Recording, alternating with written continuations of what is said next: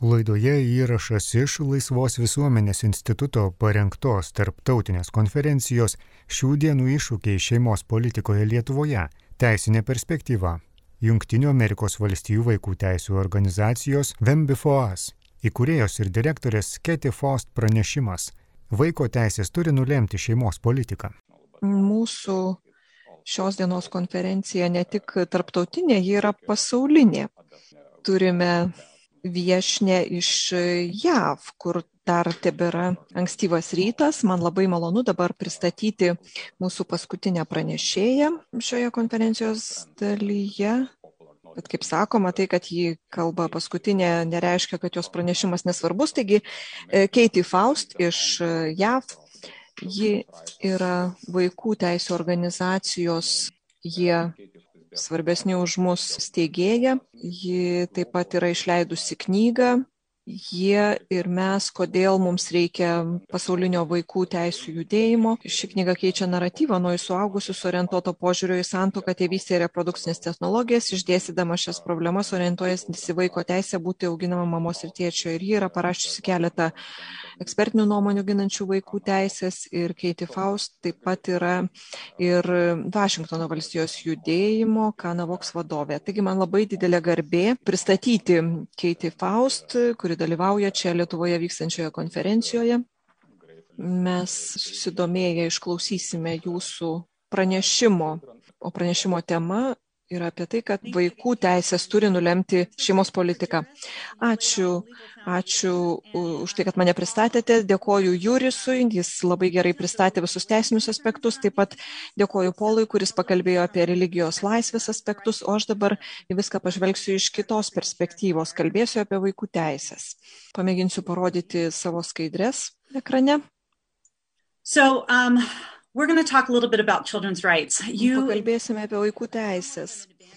Jūs, europiečiai, turite tam tikrų privalumų palyginti su amerikiečiais, nes jūs visi turbūt esate pažįstami, žino, jums yra žinoma vaiko teisų konvencija, tai yra ir jūsų nacionalinės teisės dalis. Lietuva šią konvenciją ratifikavo 91 metais.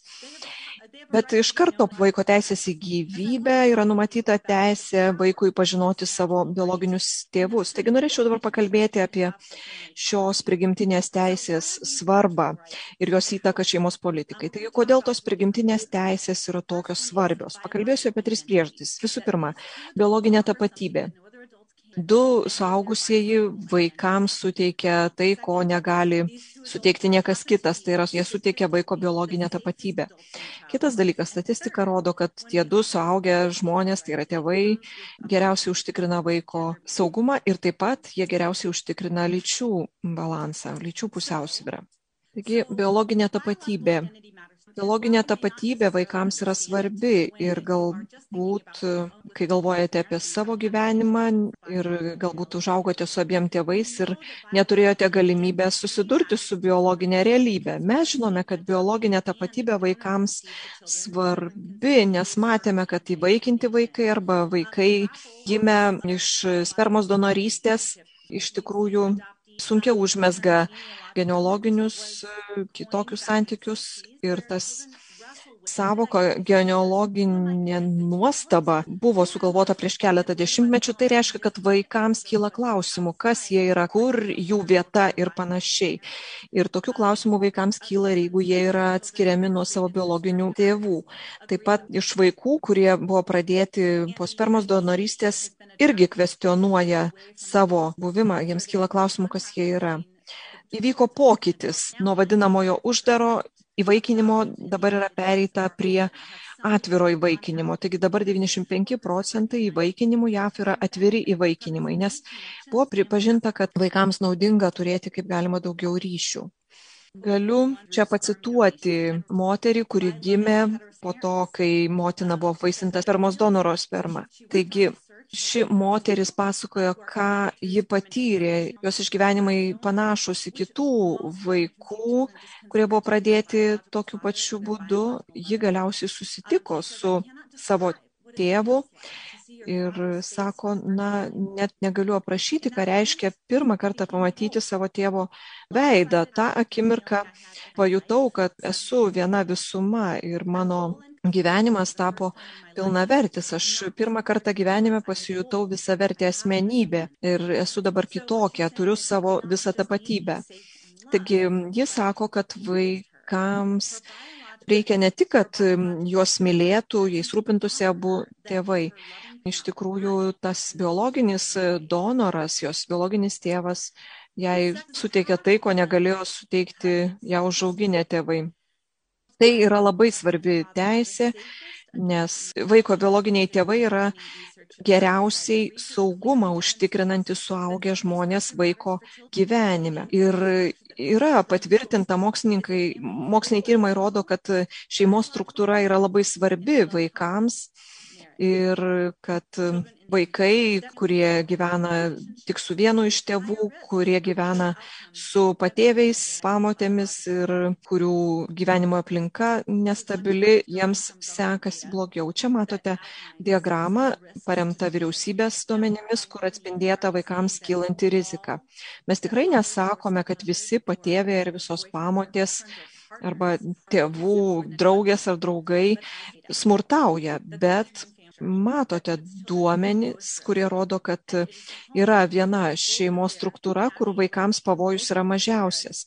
Tai yra tokia struktūra, kur gerbiamos tėvų ir motinų teisės. Ir čia turiu galvoje susituokusių suaugusių šeimą. Po to matote, kaip didėja rizika, tai yra kiti susituokę tėvai, toliau vienas iš tėvų arba nesusituokę tėvai tokiuose struktūrose pavojai vaikams didesni arba taip pat vaikai gyvenantis, didžiausią pavojų patiria vaikai gyvenantis su vienu iš tėvų ir jų draugu ar drauge. Nes iš tikrųjų giminystės ryšiais nesusiję vyrai gyvenantis nesusituokę kelia didžiausią pavojų vaikams. Taip pat yra duomenų rodančių, kad vaikai gyvenantis su patėviais jiems sekasi ne ką geriau negu vaikams, kurie gyvena tik su motina. Taigi yra akivaizdžių skirtumų, kalbant apie saugumą ir vaikų gerovę. Tai geriausiai užtikrinama tik tokiuose šeimose, kur yra susituokę motina ir tėvas. Na, yra dabar sakoma, kad vaikams nereikia motinos ir tėvo, jos tiesiog reikia mylėti tai aš galiu pasakyti, tai sveikinu su šia mintimi, nes tai reiškia, kad vaikams reikia susituokusių tėvų, tėvo ir motinos, nes būtent ten geriausiai užtikrina jų saugumą. Čia matote vienos moters istoriją. Čia pasakyta, mano mama pakartotinai ištekėjo praėjus porai metų, kai ją paliko mano biologinis tėvas. Tas vyras, kuris susitokė su ją, priėmė keturis vaikus, kurie nebuvo jo. Ir galiausiai mama su patėviu susilaukė ir savų vaikų ir staiga staiga pamačiau, kaip mano patėvis tapo mylinčių ir rūpestingų tėvų, jis e, visiškai pasikeitė. Ir aš žinau, kad yra tikrai tokių patėvių didvirių, kurie atlieka tikro tėvo vaidmenį, bet jie daugiau yra išimtis. Iš tikrųjų, pagrindinė taisyklė, kad būtent biologinis tėvas labiausiai rūpinasi savo vaiku ir nėra jokios statistikos, kuri įrodytų priešingai. Toliau lyčių pusiausvėra. Kai yra užtikrinamas vaikų teisės, tai automatiškai vaikai gauna ir motinos, ir tėvo meilę, kuri yra labai svarbi vaiko vystimusi. Motinos ir tėvai yra skirtingi, vyrai ir moteris skiriasi ir tie skirtumai labiausiai atsiskleidžia šeimoje. Būtent šeimos privalumus labiausiai jaučia vaikai. Specialistai mano, kad motinos ir tėvai labai skirtingai elgesi su vaikais. Todėl negalima kalbėti apie tėvų priežiūrą, reikia kalbėti apie, apie tai, kaip motinos augina vaikus ir tėvai augina vaikus. Taigi moteris ir vyrai skirtingai taiko drausmę vaikams, taip pat vaikai turi galimybę pamatyti priešingos lyties atstovą ir kiekvienas vaikas tada gali susidaryti vaizdą, koks suaugęs jis bus ir taip pat gali pagalvoti apie tai, ko norės iš savo būsimo sutoktinio. Taigi tai labai svarbu vaikų vystimuisi. Čia matote moterį, kurią užaugino dvi mamos ir ji kalba apie tai, kaip jautė tėvo ilgesį. Ir iš tikrųjų bendra tendencija tos pačios lyties asmenų šeimose yra ta, kad nors vaikas yra mylimas, vaikui vis tiek trūksta mamos arba tėvo. Ir mes tai vadiname arba motinos alkiu, arba tėvo alkiu. Vaikai jaučia tą alkį ir nei dvi mamos, nei dešimt mamų netaps tėvų. Čia matote moters žodžius, ji, ji gimė po dirbtinio apvaisinimo ir sako, kad mano mamų šūkis buvo šipsokis ir e, apsimes, kad esi laiminga. Mano draugės tėtis buvo labai puikus žmogus, jis e, turėjo humoro jausmą, mus daug kur veždavosi. Aš vieną vakarą užrašiau ant popieriaus lapuko žodį tėvelis ir pasidėjau jį po pagalbę. Norėjau turėti tokį tėvelį, kokį turėjo mano draugė. Mes kaip visuomenė išgyvename motinos ir tėvo praradimą Per karą žuvo daug vyrų, taip pat moteris mirdavo, gimdydavos. Dabar tų tėvų ir mamų mirčių nėra tiek jau daug. Ir vaikai dažniausiai tėvų netenka ne dėl kažkokių tragedijų, bet dėl e, suaugusiųjų ketinimų. Vaikai netenka tėvų, kadangi suaugusieji nori, kad jų teisės būtų viršesnės negu vaikų. Ir čia yra galimos dvi reakcijos. Kai vaikas praranda tėvą ar motiną dėl tragedijos, tai mes tą vaiką apsupame rūpeščių ir visi pripažįstame, kad tai yra tragedija. Tačiau šiais laikais, kai vaikai netenka teisės į motiną ar tėvą, nes viršų ima suaugusiųjų norai, mes sakome, kad tai yra pažanga, nors iš tikrųjų tai yra neteisybė. Pamėginkime pažiūrėti, kokia grėsmė kyla vaikų teisėms turėti tėvą ir motiną. Visų pirma, didžiausia pavojų kelia santokos nauja apibrieštis, toliau įvaikinimas paisant suaugusiųjų interesų ir nuostata, kad suaugusieji turi teisę įvaikinti, toliau tėvų teisės reglamentuojantis įstatymai, toliau daugia patystės ir įvairių partnerių meilės normalizavimas, skirybų be kalties pripažinimas, taip pat vienišos motinos, kurios pasirenka būti vienišomis motinomis, toliau surogatinė motinystė, jos propagavimas, spermos ir kiaušinėlių donorystė, taip pat mažėjantis santokų skaičius, tos pačios lyties sąjungų ir įsivaikinimo skatinimas, dvi mamos ant gimimo liudijimų ir panašiai. Taigi kyla klausimų, ar yra ginamos vaikų teisės, ar jų nepaisoma. Manau, kad aktualiausias klausimas Europai dabar yra santokos apibrieštis. Šie dalykai jums turbūt yra žinomi. Viskas, kas susijęs su šeima ir santoka, yra sutelkta į tai, ko nori suaugę. Suaugę būtent nulėmė visų šių klausimų sprendimą.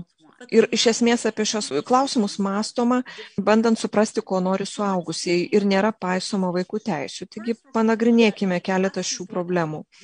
Visų pirma, vaikų ir suaugusiųjų prieš pastatymas.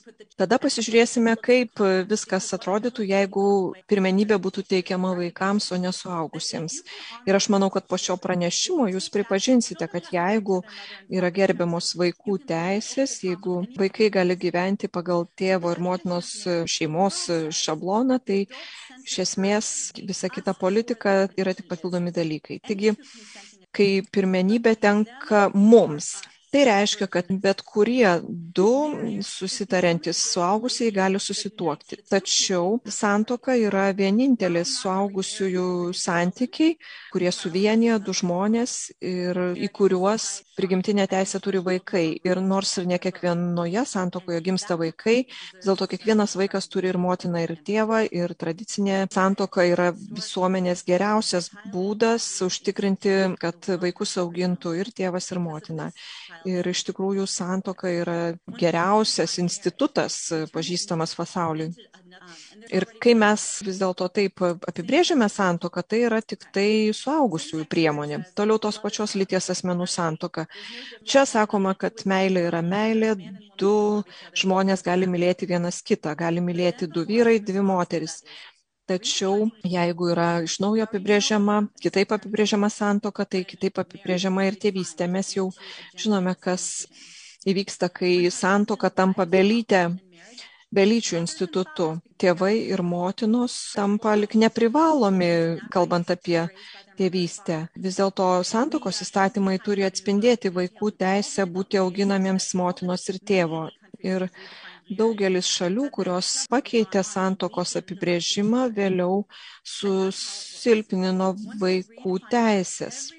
taip ir būna kur tik tai yra pripažįstamos gėjų santokos, tai vaikų teisė turėti tėvą ir motiną susilpnėja ir tai yra neteisinga.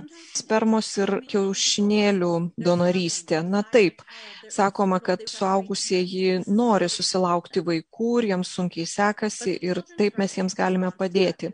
Tačiau kalbant apie vaikų teisės, jeigu ir iš tikrųjų panaudojama trečio asmens sperma arba kiaušinėlis, tai yra neteisinga, nes tai pakenkiama vaiko santykiams, vaiko ryšiams su tėvu ir motina, nesižvelgiant į tai, ar kalbame apie vienišus tėvus, susituokusius, ar gėjus, ar, ar heteroseksualius asmenys kai į reprodukciją įsikiša trečiasis asmuo, tai pažeidžiamos vaikų teisės.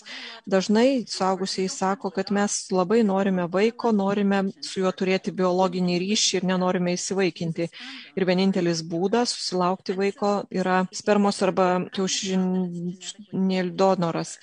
Ir vaikas tada užaugęs jaučia biologinio tėvo ar motinos stoką surogatinė motinystė. Na yra sakoma kad surogatinė motinystė yra gražus būdas padėti poroms susilaukti vaikų kai jos to negali padaryti pačios. Bet kai į tai žvelgiama iš vaikų teisių perspektyvos tai iš tikrųjų iki gimimo surogatinė motina yra vienintelė motina kurią pažįsta vaikas. Ir surogatinė motinystė iš tikrųjų tyčia nutraukia tą ryšį ir sukelia vaikui skausmo tai yra neteisinga ir net jeigu vaikas ir auga savo genetinių tėvų namuose, tą dieną, kai vaikas gimsta, tie du tėvai yra tiesiog, tas tėvas ir motina yra tiesiog vieni iš daugelio suaugusių, nes vaikas, kūdikis pažįsta savo motinos kūną ir tie devyni laukimo mėnesiai per juos yra sukūriamas ryšio pagrindas ir niekada negalima atskirti vaiko nuo jį pagimdžiusios motinos į suaugusius orientuotas įvaikinimas. Yra sakoma, kad neturėtume diskriminuoti jokių suaugusiųjų, kurie nori įsivaikinti. Tačiau vaiko teisėmis grindžiamas požiūris sako, kad ne vienas suaugęs neturi teisės įsivaikinti.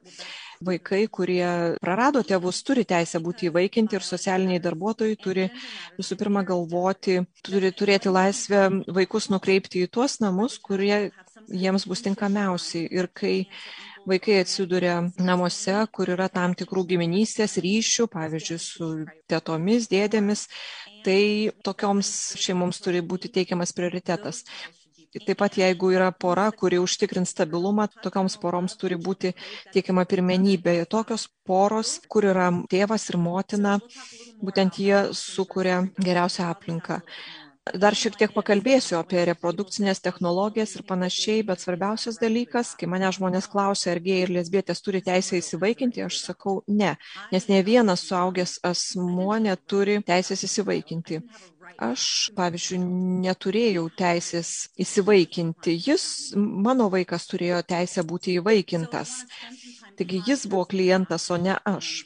Dabar pamėginsiu palyginti įvaikinimą ir reprodukcinės technologijas iš tikrųjų negalima visa širdimi remti įvaikinimo ir visiškai atstumti vaikus, kurie gimsta pasitelkus reprodukcinės technologijas. Taigi visų pirma, reikia tinkamai suprasti, kaip veikia įvaikinimas. Na, reikia suprasti, kad įvaikinimas visada atsiranda, prasideda nuo netekties, kurią išgyvena vaikas. Ir pavyzdžiui, motina niekada ne, neatstos visko, ką prarado įvaikintas vaikas. Ta netekti vaikas jaus visą gyvenimą. Tačiau įsivaikinę tėvai bando užpildyti atsiradusią spragą, užgydyti žaizdas. Ne jie nulėmė, kad vaiko gyvenime nebėra motinos. Iš tikrųjų, taip atsitiko dėl kitų priežasčių ir tėvai, įvaikinę tėvai bando užpildyti spragą.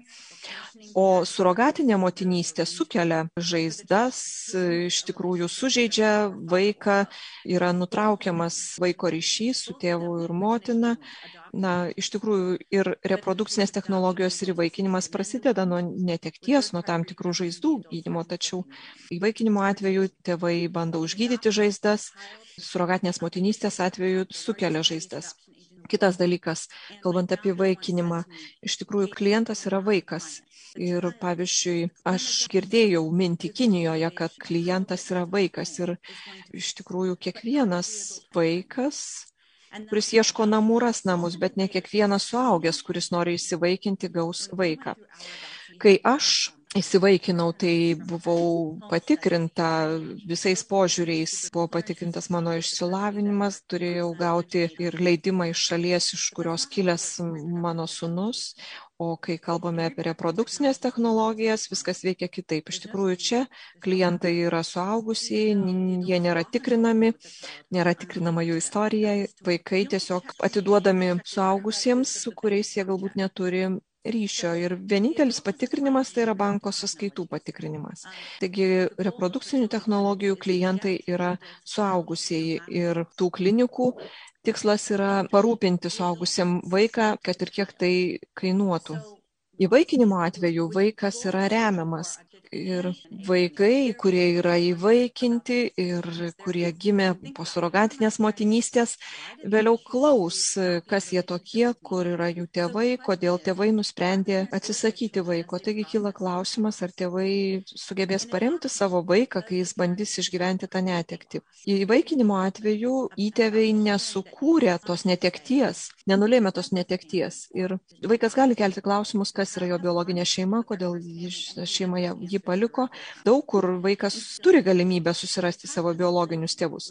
O surogatinės motinystės atveju ar spermos donorystės atveju vaikas gyvena su tais saugusiaisiais, kurie sukėlė jam netekti ir vaikui gali kilti sunkumų, norint išsiaiškinti, kas jis yra, kas yra jų, tarkim, kas yra jo tėvas, kodėl tėvas tapo spermos donoru, kodėl moteris nusprendė parduoti savo kiaušinėlius, ar jis žino, kad aš egzistuoju, ar jie apie mane galvoja, galbūt aš jau su ją prasilenkiau kažkur gatvėje ir daug vaikų kelia šios klausimus Ir kai kelia šios klausimus savo tėvams, tai iš esmės kalbasi su tuo suaugusiuoju, kuris yra kaltas dėl to, kad vaikas išgyveno netekti. Ir iš tikrųjų tokie vaikai galvoja, kad negali atvirai kalbėti apie išgyventą na, netekti.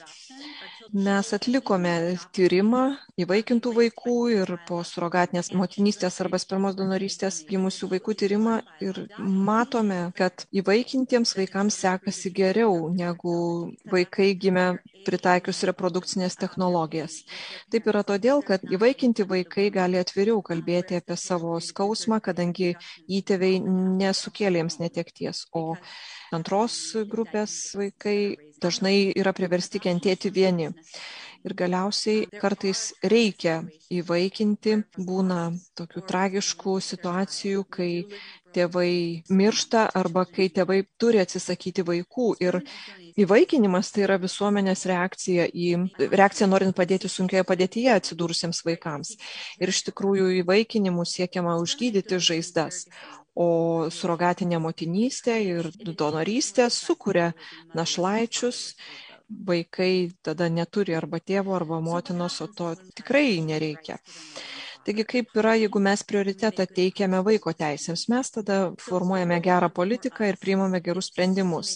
Ir mūsų tikslas yra siekti, kad visi pokalbiai susijęs su tėvystė, motinystė suktųsi apie vaikus, nes tik taip galima priimti tinkamus sprendimus. Taigi, kaip turėtų atrodyti veiksmingas mūsų darbas?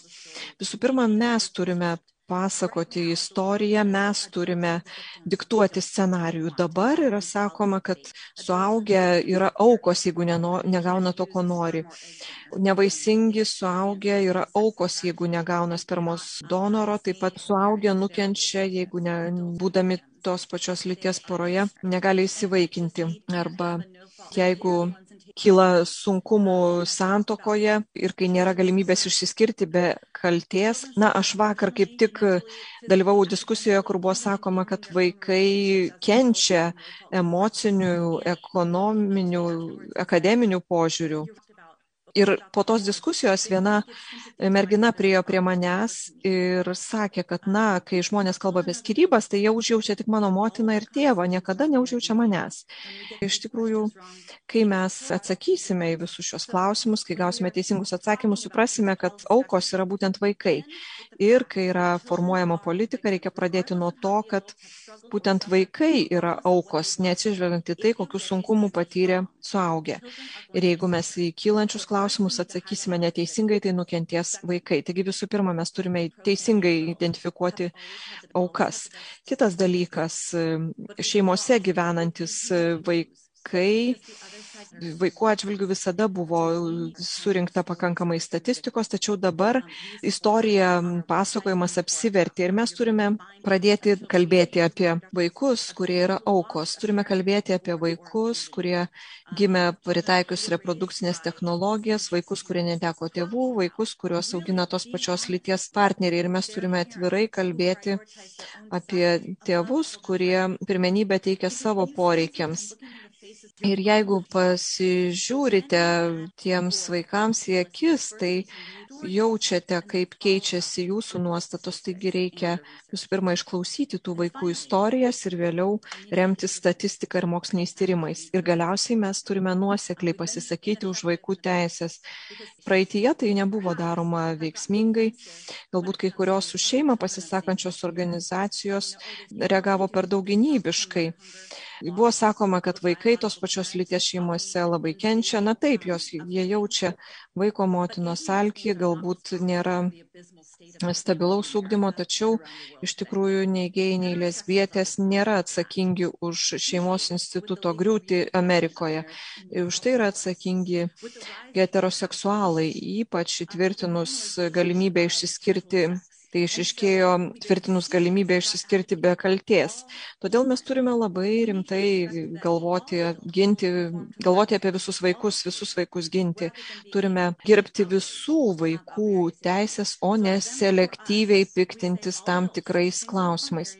Taigi, pirmenybė turi būti teikiama vaikams ir visi heteroseksualai, homoseksualai turi galvoti apie vaikų teisės. Apie tai aš užsiminiau labai trumpai, bet čia pasakysiu, kad kitą savaitę išeina nauja mūsų knyga.